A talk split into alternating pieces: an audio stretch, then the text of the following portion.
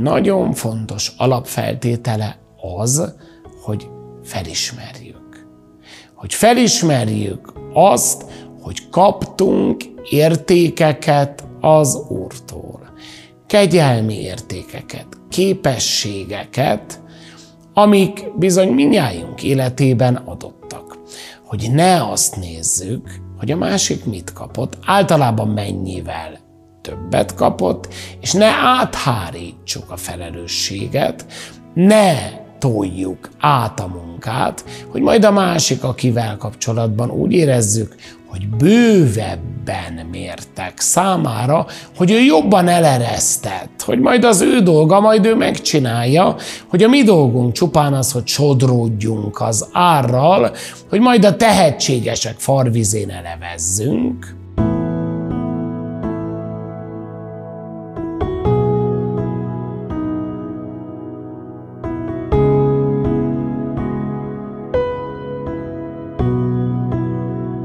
Evangélium Szent Máté könyvéből. Abban az időben Jézus a következő példabeszédet mondta a tanítványainak. Egy ember egyszer idegenbe készült, ezért összehívta szolgáit, és rájuk bízta vagyonát. Az egyiknek öt talentumot adott, a másiknak kettőt, a harmadiknak pedig egyet, kinek-kinek rátermettsége szerint, aztán útra kelt. Aki öt talentumot kapott, Menten elkezdett vele kereskedni, és másik ötöt nyert rajta.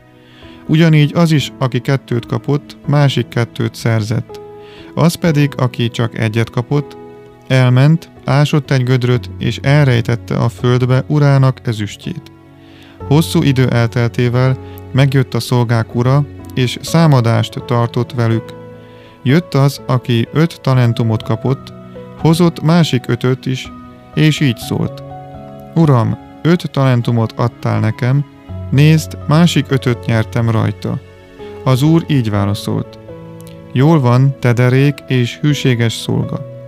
A kevésben hű voltál. Sokat bízok rád. Menj be urad örömébe. Jött az is, aki két talentumot kapott, és így szólt. Uram, két talentumot adtál nekem, nézd, másik kettőt nyertem rajta. Az úr így válaszolt. Jól van, te derék és hűséges szolga. A kevésben hű voltál, sokat bízok rád, menj be urad örömébe. Végül jött az is, aki csak egy talentumot kapott. Így szólt. Uram, tudtam, hogy kemény ember vagy, ott is aradsz, ahová nem vetettél, és onnan is szüretelsz, ahová nem ültettél. Félelmemben elmentem hát, és elástam a földbe a talentumodat. Nézd, ami a tied, visszaadom neked. Válaszul az úr, ezt mondta neki. Te gonosz és lusta szolga, ha tudtad, hogy aratok ott is, ahová nem vetettem, és szüretelek onnan is, ahová nem ültettem, ezüstjeimet a pénzváltóknak kellett volna adnod, hogyha megjövök, kamatostul kapjam vissza. Vegyétek csak el tőle a talentumot, és adjátok oda annak, akinek tíz talentuma van. Mert akinek van, annak még adnak, hogy bővelkedjék, és akinek nincs, attól még azt is elveszik, amilyen van. Ezt a hasznavehetetlen szolgát pedig vessétek ki a külső sötétségre. Ott sírás lesz és fogcsikorgatás. Ezek az evangélium igéi. Azt hiszem, kedves testvérek, hogy valahol az ember életének ugyan nem természetes velejárója, de nagyon gyakori jelensége az irigység.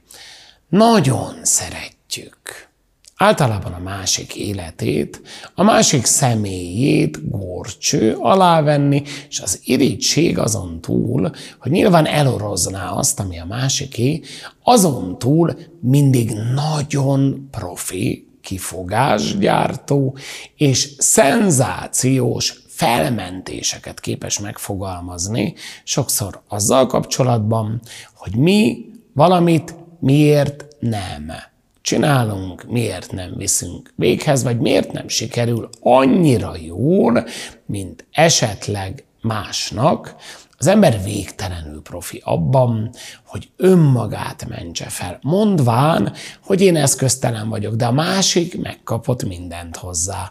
A másik képességei, a másik adottságai nyilván sokkal jobbak, és inkább arra predestinálják, mint sem engem, hogy az adott dolgot tökéletesen és jól véghez vigye, így tulajdonképpen nekem felelősségem sincs, hiszen nem kaptam meg a hozzá szükségeseket.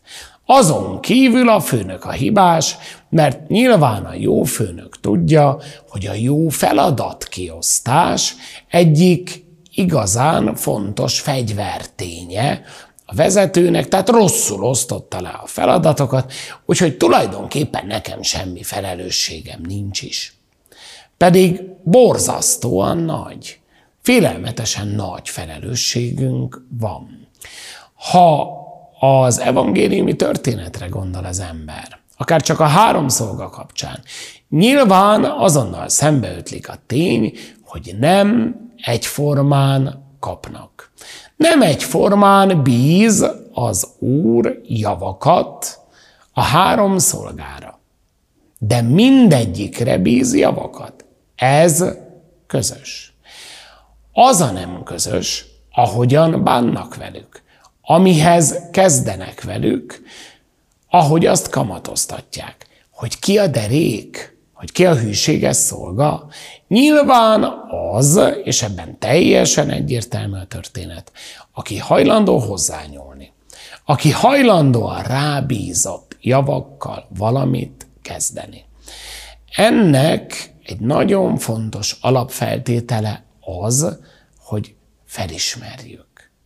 Hogy felismerjük azt, hogy kaptunk értékeket az Úrtól kegyelmi értékeket, képességeket, amik bizony minnyájunk életében adottak. Hogy ne azt nézzük, hogy a másik mit kapott, általában mennyivel többet kapott, és ne áthárítsuk a felelősséget, ne toljuk át a munkát, hogy majd a másik, akivel kapcsolatban úgy érezzük, hogy bővebben mértek számára, hogy ő jobban eleresztett, hogy majd az ő dolga, majd ő megcsinálja, hogy a mi dolgunk csupán az, hogy sodródjunk az árral, hogy majd a tehetségesek farvizén elevezzünk, hanem alapvetően az egyik nagyon fontos dolog, hogy rácsodálkozzunk, hogy felismerjük azt, hogy mi mit kaptunk a főnöktől. Ránk mit bíztak? Mi a mi felelősségünk.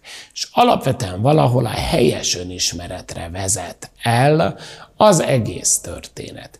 Ne felejtsük el, hogy már a főparancsban is megfogalmazódik, hogy bizony szeresd a másikat, szeresd a fele barátodat úgy, mint önmagadat. És ahhoz, hogy jól tudjam önmagam szeretni, azzal nyilván tisztában kell lennem önmagammal. Tisztában na, dolgoz még rajta probléma körében tartozókkal, hogy mi az, amin van, de csökevényes, amivel még munkám van, amit tudnék jobbá tenni, amit tudnék fejleszteni. Hogy mi az, ami számomra nem adatott meg, de mi az, amit én kaptam, amiben én valóban jó vagyok, amiben tehetséges vagyok, amit én tudok hozzáadni a közös értékekhez.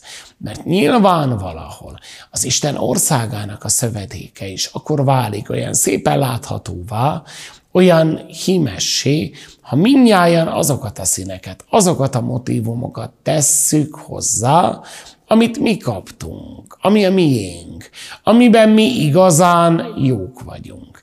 Nem azt kell irigykedve nézni, hogy mit kapott a másik, hogy ő miért képes többre. Nem képes többre. Másra képes. Arra kell rájönni, hogy mi mire vagyunk azok, és azt hozzátenni a nagy közös egészhez, hiszen akkor tud általunk is gyarapodni, bennünk is, körülöttünk is, velünk is láthatóvá válni az Isten országa. Akkor tudunk hűséges és derék szolgákká válni. Nem az a fontos, hogy ki kapott többet. Csak mást kapott. Többet nem. Az a fontos, hogy mi mit kaptunk, és hogy mi mihez kezdünk vele. A cél nem az, hogy csak őrizgessük, hogy féltő gonddal betakargassuk, hogy elzárjuk azt, hanem az, hogy valóban a mások, a közösség javára forgatva, kamatoztatva, megélve, kihasználva azt, a képességeink szerint gyarapítsuk a közösség nagy közös vagyonát, amiből nem csak kivennünk szabad, de hozzátennünk is kötelességünk.